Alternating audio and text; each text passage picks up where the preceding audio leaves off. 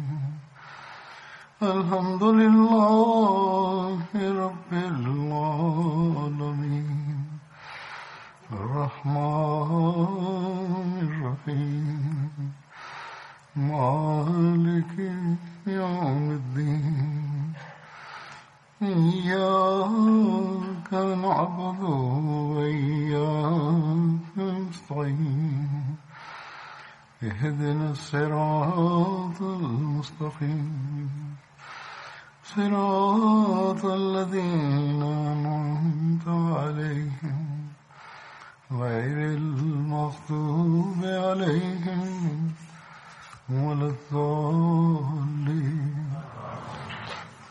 بسم الله الرحمن الرحيم أصحاب كوك شسبمين التدانس يا حضرت محمد بن مسلمة كوي بيو انصاريا Muslima bin Salema je bio njegov e, otac. Zapisano je da je njegov djed po ocu se zvao Salama, a također zapisano je i Halid. Umisam je bila njegova majka. Ona je bila poznata po tom imenu. Huleida biti Abu Ubejda je bilo njeno pravo ime. Oni su pripadali Aus plemenu koje je ensarijsko pleme i bili su pod ugovorom sa Abdul Ašal plemenom. Njegova titula je bila Abu Abdullah ili Abdurrahman, također Abu Said. Lama ibn Hajar govori da Abu Abdullah je najautentičnija titula Prema jednom hadisu prenosi se da je rođen 22 godine prije poslanstva časnog poslanika sallallahu alejhi ve I također u vremenu ta neznanja on je bio osoba koja je dobila ime Muhammed. Jevreji iz Medine su očekivali da će se pojaviti poslanik prema predskazanjima Musa salama i da će njegovo ime biti Muhammed. Kad su Arapi saznali u vezi ovog predskazanja, oni su počeli da daju imena svojoj djeci Muhammed.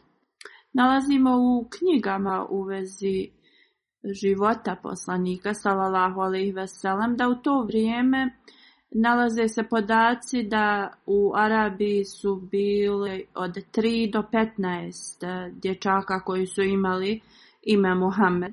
Ilama Suheili koji je napisao komentar na Sirat ibn, ibn Hisham zapisao je trojicu osoba koji su imali ime Muhammed, Alama ibn Nasir je zabilježio pet imena gdje je Abdulvehab Širani, on je zabilježio 15 imena.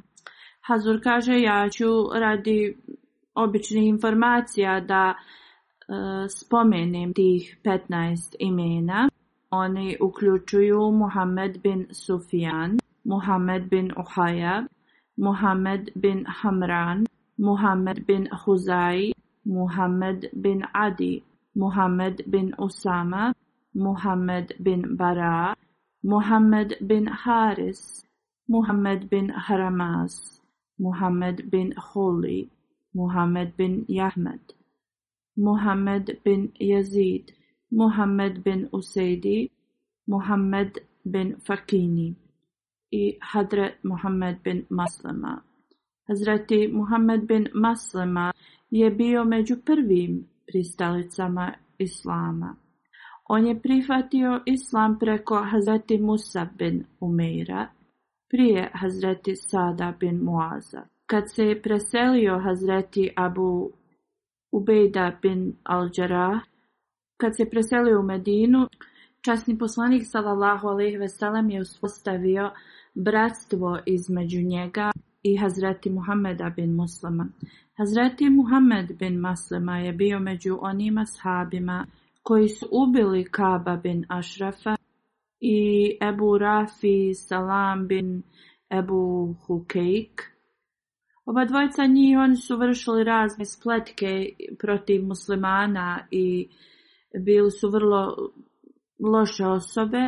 Oni su također planirali e, napad na muslimane i napad na poslanika sallallahu alejhi ve Poslije je poslanik sallallahu alejhi ve sellem naredio ovim ashabima to je bio njihov zadatak da ubiju ovu dvojicu. U toku mnogih bitki poslanik sallallahu alejhi ve sellem je postavljao Hazreti Muhameda bin Maslama da nadgleda Medinu u njegovom odsustvu. Njegovi sinovi Džafer, Abdullah, Sad Abdurrahman i Umar, oni su također ubrojani u ashabe časnog poslanika sallallahu alejhi ve sellem. Osim bitke Tabuk, Hazreti Muhammed bin Maslama je učestvovao u svim ostalim bitkama, uključujući bitku na Bedru i Uhudu.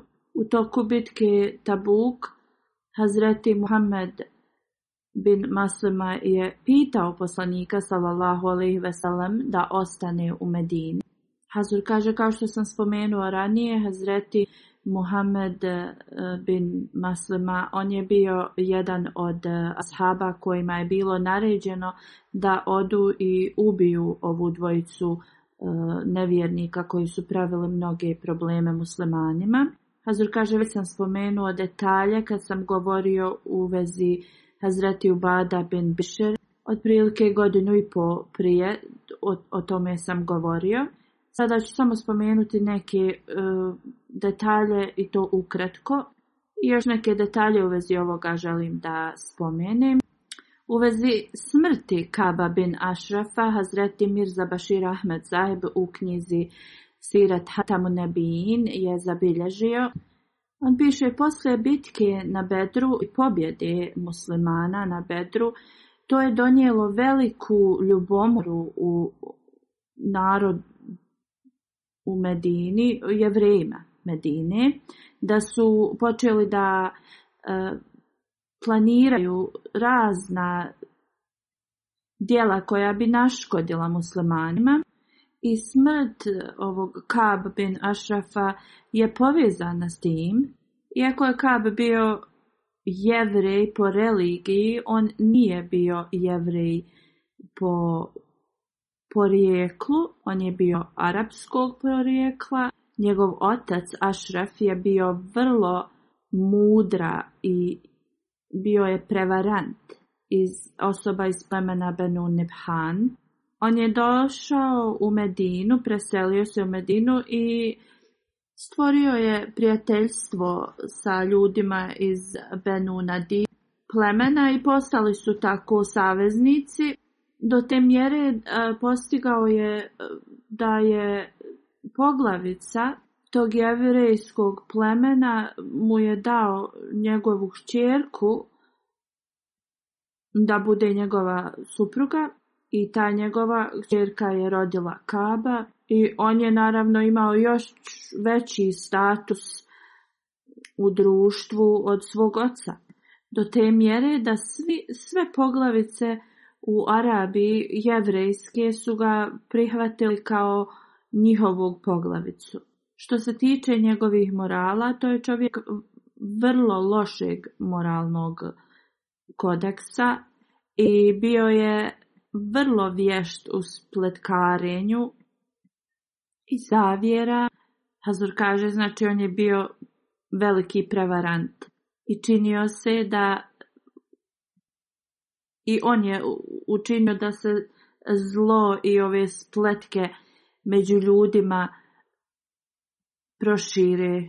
U svakom slučaju to se nastavilo i kad je poslanik salalahu alejhi veselam se preselio u Medinu, Kabin Ašraf sa drugim vrema je također potpisao ugovor koji je napisao poslanik sallallahu i veselam sa jevrejima da se jednostavno e, dobro paze, da čuvaju interese jedni drugih, da zajedno se brane od neprijatelja, kako god, vatra neprijateljstva je počela u tajnosti da bukta u Kabovom srcu i počeo je da se protivi islamu i njegovom poslaniku, salallahu Naravno, ovo je radio sve u tajnosti i sa spletkama raznim. Ovo se nastavilo i onda poslije bitke na Bedru njegovo neprijateljstvo je prevršilo sve granice i to je uspostavilo vrlo teške i nesigurnu situaciju za muslimane u Medini. I znači kad eh, većina ovih nemuslimanskih poglavica na Bedru je izgubilo svoje živote, on je shvatio da ova religija neće nestati sama i da on treba da poduzme neke mjere. Jer Hazur kaže na, na početku kad je mislio da će ova nova religija da nestane sama sa, sa sobom, ali kad je vidio šta se desilo na Bedru, Shvatio je da islam neće da nestane sam od sebe. I znači poslije Bedra on je počeo da aktivno planira uništenje islama. Znači poslije Bedra on se spakovao i krenuo je na put, došao je u Meku. On je imao vrlo ubjedljiv govor da je tu rasplantao vatru neprijateljstva Kurejšija još veću prema muslimanima. Oni su poslije njegovog govora postali žedni muslimanske krvi i ostali su sa takvim osjećajem da žele osvetu i sa ogromnim neprijateljstvom.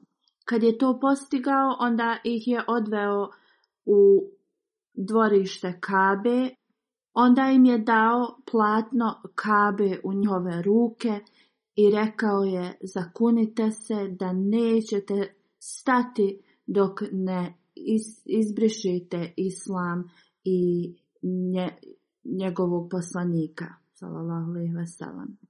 Onda je nastavio da putuje i radi isto ovo drugim, u drugim plemenima iz Arabije. Putovao je od plemena do plemena i stvarao je veliko neprijateljstvo tih ljudi prema muslimanima. Onda se vratio u Medinu i počeo je da piše neke pjesme o muslimankama koje su bile vrlo vulgarne i vrlo nepristojne prema muslimankama. Također nije zaobišao ni žene iz kuće poslanika sallallahu alejhi i njegove porodice. Onda je ovo objavio širom Arabije ovu poeziju. I onda zadnje što je uradio jeste napravio je plan kako da ubiju poslanika sallallahu alejhi ve On je pozvao časnog poslanika sallallahu alejhi ve da dođe na večeru u njegovu kuću. Kako god hvala uzvišenom Allahu, poslanik sallallahu alejhi ve je dobio informacije u vezi toga, u vezi njegovog plana i tako da je taj plan propao. U ugovoru kada je poslanik sallallahu alejhi ve se doselio u Medinu, ti ugovori kad su pravljeni, on je bio poglavica Medine i onaj koji odlučuje u vezi stvari u Medini.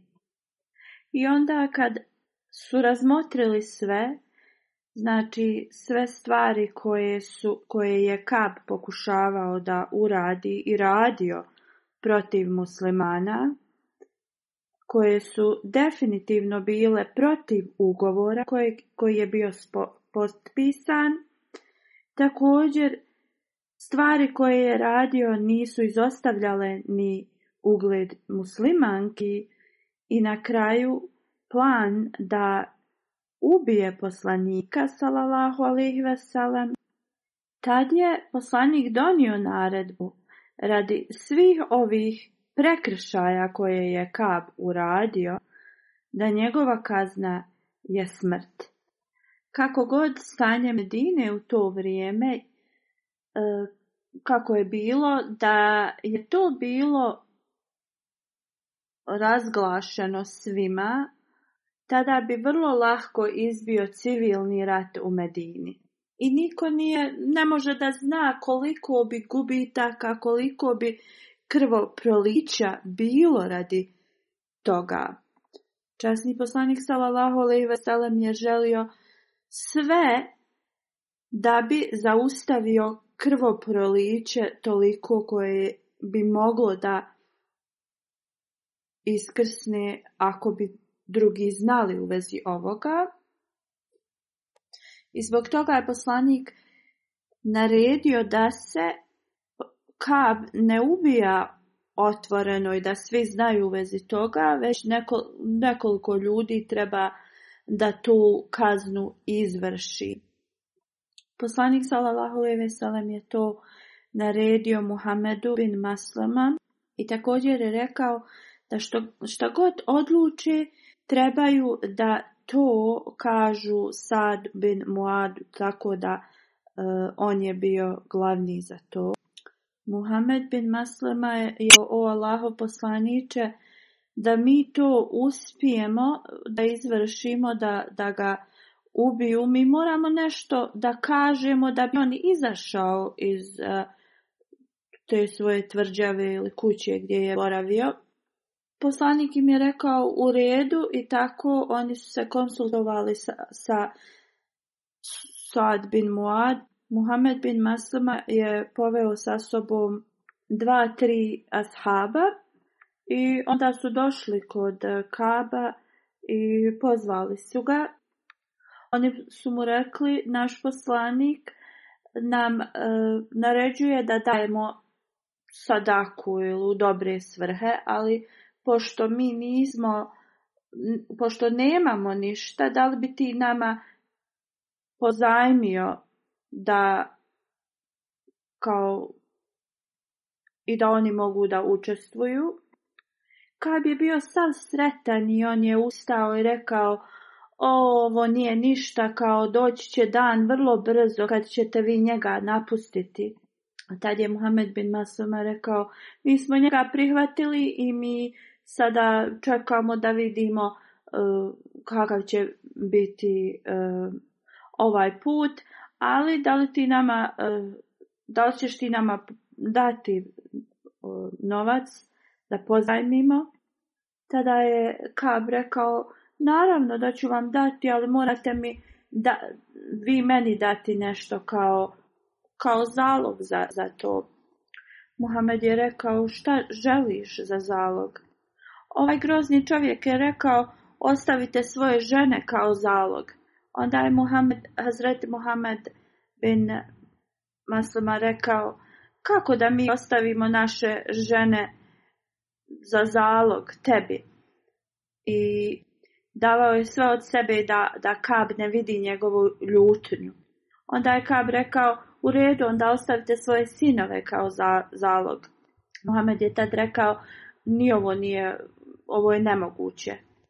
On je onda rekao, ako ti hoćeš, mi možemo ostaviti naše oružje kao zalog za taj novac koji su oni tražili.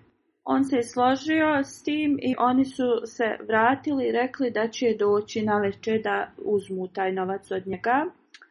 I na večer su došli, došli su sa svojim oružjem jer to se očekivalo da oni ostave svoje oružje s njim. Oni su tad hodali s njim i onda je Mohamed e, ili neki drugi ashab uzeo kaba za njegovu E, ko su i rekao ovim drugim ashabima udarite ga sad, pošto su ashabi bili spremni, to su i radili i tako su ga i ubili. Tada su ashabi se brzo vratili do poslanika sallallahu alejhi ve i rekli mu šta se je desilo. Kad su se vijesti pro, proširile Medinom, e, bilo je vrlo napeto vrijeme vrijeme u Medini i jevreji su bili vrlo ruti radi ovoga. Sljedeći dan delegacija jevreja je došla kod poslanika salalahu i Veselem i oni su se žalili da njihov poglavica Kabin Ašraf je e, ubijen na takav i takav način. Kad je preslušao poslanik salalahu i Veselem je rekao da li ste vi svjesni e, njegovog e, zločina koji je on počinio onda ih je naveo časni poslanik njima i sve stvari koje je on radio protiv muslimana. Ovi ljudi su ostali tihi, bili su preplašeni i poslanik sallallahu alejhi ve im je rekao bar od sad ostanite u miru i prema ugovoru koji je potpisan i tada su ti jevreji ponovo potpisali ugovor i ponovo je potpisan e, ugovor prijateljstva i, i mira jednih između drugih. I jevreji su se složili da žive u harmoniji i miru i da se klone bilo kakvih e, pobuna ili nešto što bi e, bilo loše za, za oba dvije strane, da se ovi jevreji nisu složili s tim da Kab nije bio mislim da nije za, za, zaslužio ovu kaznu, on nikada ne bi potpisali ovaj novi ugovor s muslimanima. Poslije ovoga nigdje u historiji ne možemo naći da su jevreji se pobunili u vezi e, smrti ovog e, kaba i da su se bunili kao da je neka nepravda njima nanešena.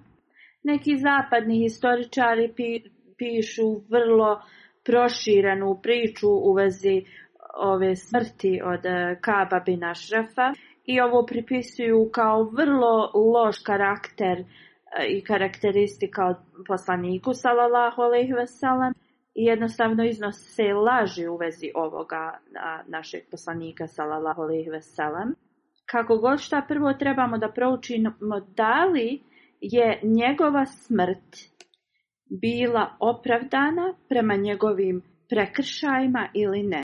Drugo, da li način na koji su oni e, uradili e, ovo je u redu ili ne.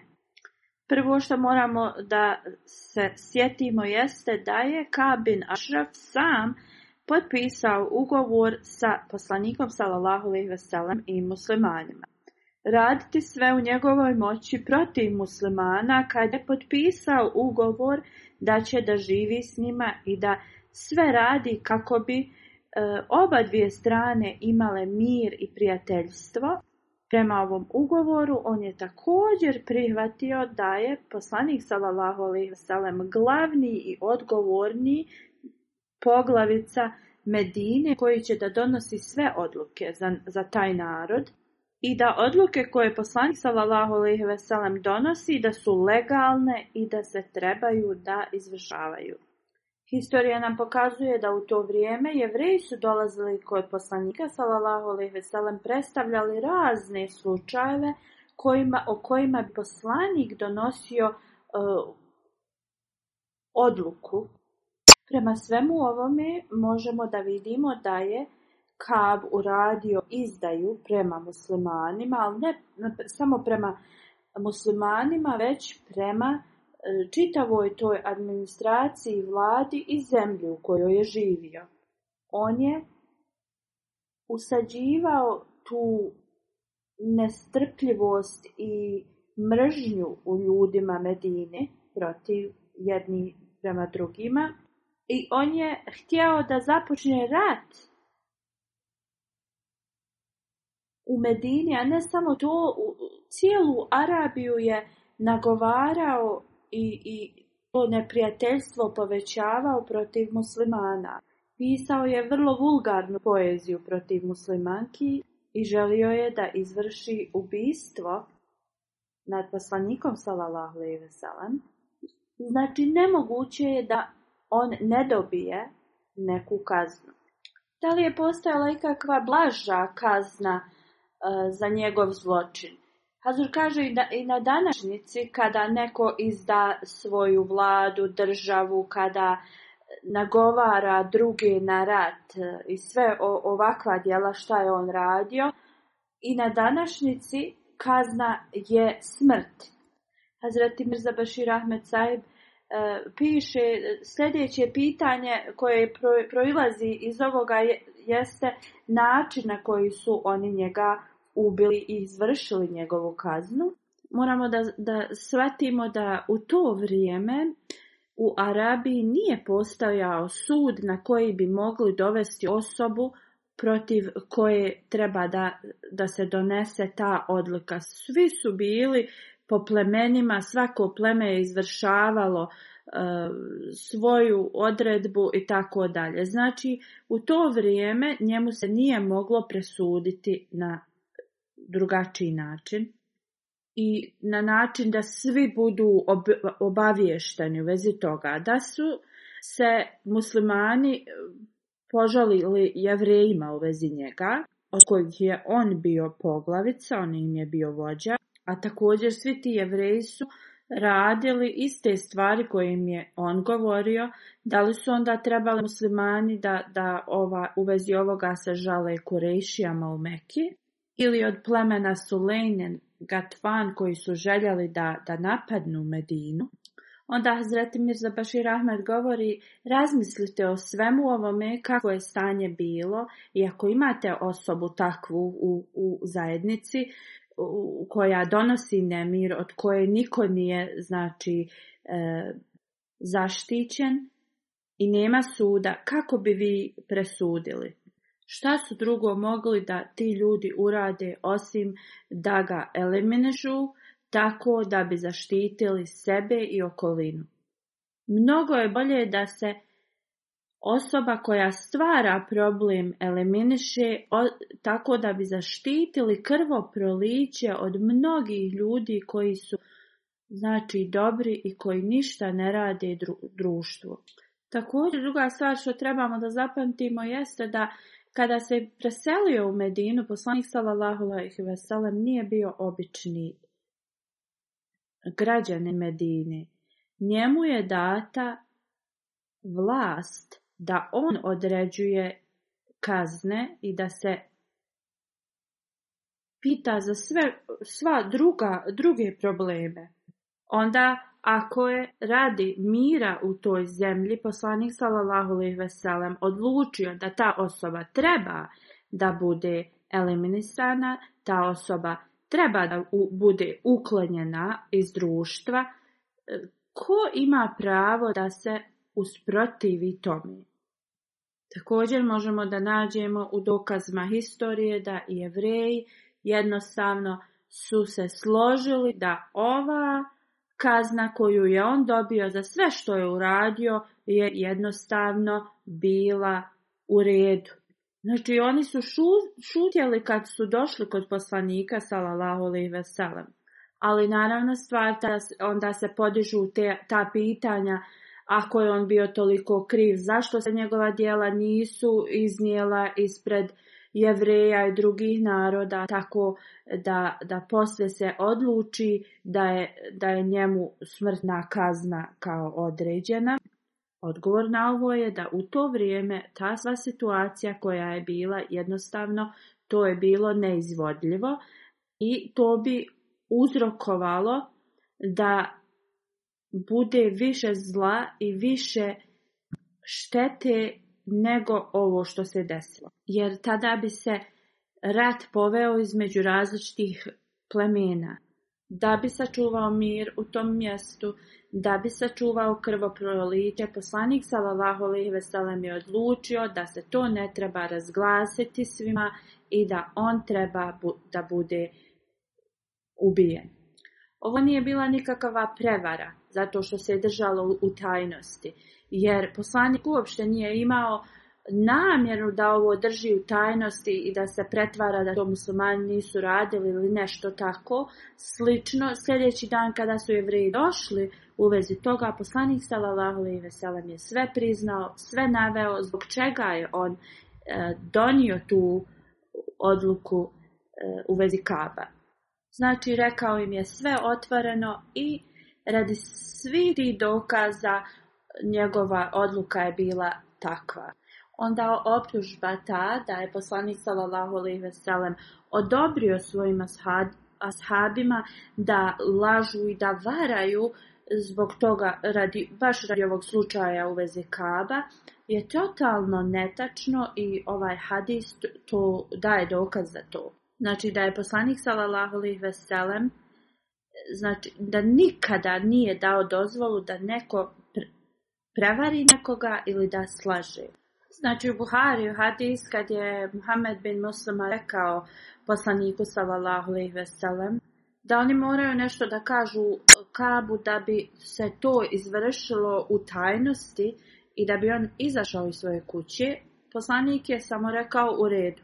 Niti je poslanik sallallahu alejhi išta rekao opširno u vezi toga, niti Muhammed bin Muslima. Znači, da bi oni izveli njega iz, njegove kuće, oni su morali nešto da kažu njemu. I apsolutno ništa ne postoji loše u vezi ovoga. smo u toku rata kad imamo izviđače i, i to je jednostavno njihova misija koju moraju oni da izvrše i niko to ne kritikuje. To je jednostavno taktika rata i onda možemo jednostavno da, da vidimo da je karakter poslanikov totalno čist. Sada ostaje pitanje u vezi Muhameda bin Maslama i njegovih e, drugova koji su, ovih asaba koji su otišli da ovo izvrše i šta su oni rekli stvari koje su oni također njemu rekli, ne možemo ih smatrati nemoralnim. Istina je da nisu ništa rekli neistinito. Oni su rekli neke riječi koje mogu se navesti i e, objasniti i protumačiti na razne načine, ali oni nisu imali nikakav drugi način da ga izvedu iz kuće. Ovo je bilo skoro pa stanje rata znači i u ovakvim situacijama neke riječi kad se izgovore da bi se neki cilj postigao, ali te riječi nisu, ne smatraju se lažima. Sad neki ljudi pitaju da li je u redu da lažemo u vrijeme rata. U hadisu nalazimo da je poslanik sallallahu rekao u vezi rata da je rat da rat nije ništa drugo osim obmana ili laž. Ovdje ljudi onda tumače ovaj hadis da je poslanik sallallahu alejhi ve sellem dozvolio da u ratu se mogu da se može lagati, varati. Riječi u ovom hadisu ne znače da je u redu varati i, i, lagati u ratu. Jedino značenje i tumačenje iz ovo koje mi možemo da izvadimo jeste da je rat, sam rat, za, za ljude obmana i, i laž. Znači ništa, ne, znamo šta će se desiti ni u jednom tom ratu. Znači nikad ne znamo e, šta će se desiti i, i, stanje se može tako brzo da promijeni u ratu da ne možemo reći ovo to i to će biti. Sad imamo dva hadisa koji su e, malo drugačiji u jednom poslanik sallallahu alejhi ve sellem kaže al harbu huda, znači rat je ništa osim obmana. A u drugom eh, hadisu eh, kaže se da je poslanik sallallahu alejhi ve sellem nazvao rat obmana. Znači iz oba dva možemo da vidimo da laž i prevara nije dozvoljena u, u ratu, a i kada bi neko kao odlučio da, da jeste, jedini, jedina stvar u, ratu koja se može e, pripisati ovome jeste da neke ratne taktike koje su tajne i, i tako dalje, da se mogu koristiti. Hudatan u ovim hadisima znači strategija u ratu, a ne laž i prevara. Znači nije e, zabranjeno da iznenadite neprijatelja i s nekom strategijom da ih pobjedite. Postoje razne strategije kao na primjer iz autentičnog hadisa saznajemo i možemo da vidimo da poslanik sallallahu alejhi ve sellem kad bi god krećao na, na put nikada ne bi rekao gdje mu je zadnja tačka odredišta. Iako je išao prema jugu na početku svog Eh, polaska bi kretao sjeverno i onda bi se nekud okrenuo prema jugu. Kad bi ga neko pitao dakle dolazi umjesto da kaže iz Medine, on bi rekao na primjer neko mjesto na kojem je kampovao ili neku drugu strategiju tako da ne mora da kaže sve informacije. Nekada znamo strategija shaba je bila da se povuku sa ratnog eh, bojišta, ali onda iznenada bi ponovo napali neprijatelje. To su sve strategije. Ovo su primjeri hudatun, što je dozvoljeno u vrijeme rata. I na današnjici ove stvari su dozvoljene. Ali islam je vrlo strogo za, zabranio laž, prevaro izdaju. Poslanik sallallahu alejhi ve bi govorio poslije e, pripisivanja druga partnera Allahu i e, neispunjavanja dužnosti prema roditeljima. Treća ružna stvar je laž. Dalje bi govorio da vjerovanje i kukavičluk, neko ko, ko nije rabar, može, može da, da bude e, zajedno, ali vjera i laž nikada ne mogu biti zajedno na istom mjestu. Onda je rekao, osoba koja uradi izdaju na sudnjem danu će dobiti veliku kaznu od gospodara. I znači hudatom koji je dozvoljen u ratu nije to ta laž i prevara na koju svi misle. To su samo strategije i taktike rata. Nekada ljudima to može izgledati kao laž i, i prevara, ali stvarnost jeste da to nije. Sljedeći hadis nam to objašnjava. U Mikul sumben Akva prenosi. Ona kaže samo tri slučaja gdje je poslanik sallallahu alejhi ve sellem dozvolio neke statemente e, da, da se izgovore gdje oni nisu laž, ali neki obični ljudi bi to možda i smatrali i kao laž. Prvi je u ratu. Druga je kada želimo da pomirimo dvije osobe koje su u svađi. Treća kada muž ili žena e, kažu nešto jedno drugom da bi jednostavno pohvalili ili bili zahvalni jedni prema drugima. Znači nijet za sve ovo treba da bude pobožni nijet, nešto što će donijeti dobro. Znači ovaj nam hadis govori da Eh, iz, pri, eh, prijašnjeg hadisa, taj hudatun, to jednostavno ne eh, znači da ljudi mogu lagati i prevariti. To je jednostavno strategija rata. Onda nalazimo isto hadise da kao da je poslanik sallallahu alejhi ve sellem posle toga rekao da ubijajte jevreje svugdje na nekoliko mjesta i Hazreti Mirza Bashir Ahmed kaže da ovi E, hadisi nisu autentični i ne bi trebali da se koriste. I da poslanik sallallahu alejhi ve sellem nikada ovo nije rekao. Zato što Ibn Hisam nema e, taj trag ko je prenio prenosioci za prenosioca, nego je samo e, tako hadis zabilježen. A Abu Daud koji daje te prenosioce je vrlo netačan i, i, i nije dovoljan, ne autentičan je.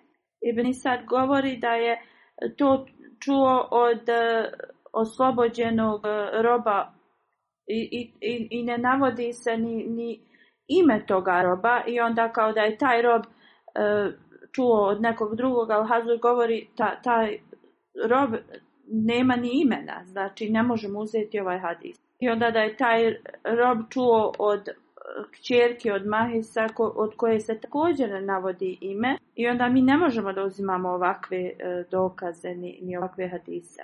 I da, imaju, da postoje imena ovih prenosioca i sve. Mi, mi moramo vidjeti e, historijske zapise. To se nikada nije desilo, niti u to vrijeme kad je Kap bio pogubljen, e, uopšte nema zapisano da su drugi ljudi izgubili svoje živote, niti je to ikada bio sunet poslanikov da ovakvo naređenje iznosi. Jedino naređenje koje je poslanik sallallahu alejhi tada mogao da im kaže jeste ako jevreji poslije smrti Kaba počnu da i napadaju to da u samo odbrani mogu da, da se odbranjuju, ništa drugo i da, i da uzmemo da se ovo moglo desiti, ovo je samo bio slučaj nekoliko sati, jer sljedećeg dana mi znamo da su jevreji potpisali novi ugovor mira sa muslimanima. Također u ovim dokazima nalazimo da različit e, datum se koristi u vezi pogubljenja e, Kaba. E, Hazur kaže da ima još detalja u vezi ovog ashaba i da će, ako Bog da, nastavi na sljedećoj hudbi da govori o njemu.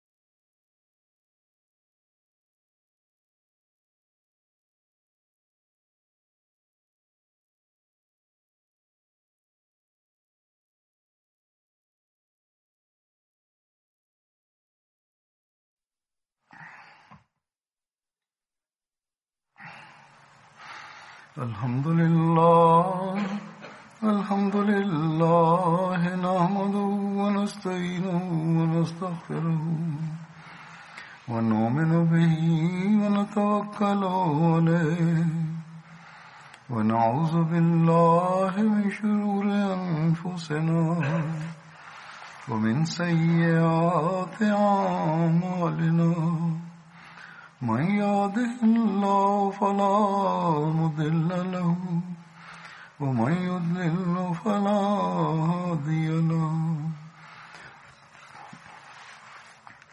ونشهد أن لا إله إلا الله ونشهد أن محمدا عبده ورسوله عباد الله رحمكم الله إن الله يأمر بالعدل واللسان وإيتاء ذي القربى وينهى عن الفحشاء والمنكر والبغي يعظكم لعلكم تذكرون اذكروا الله يذكركم والله يستجب لكم ولذكر الله أكبر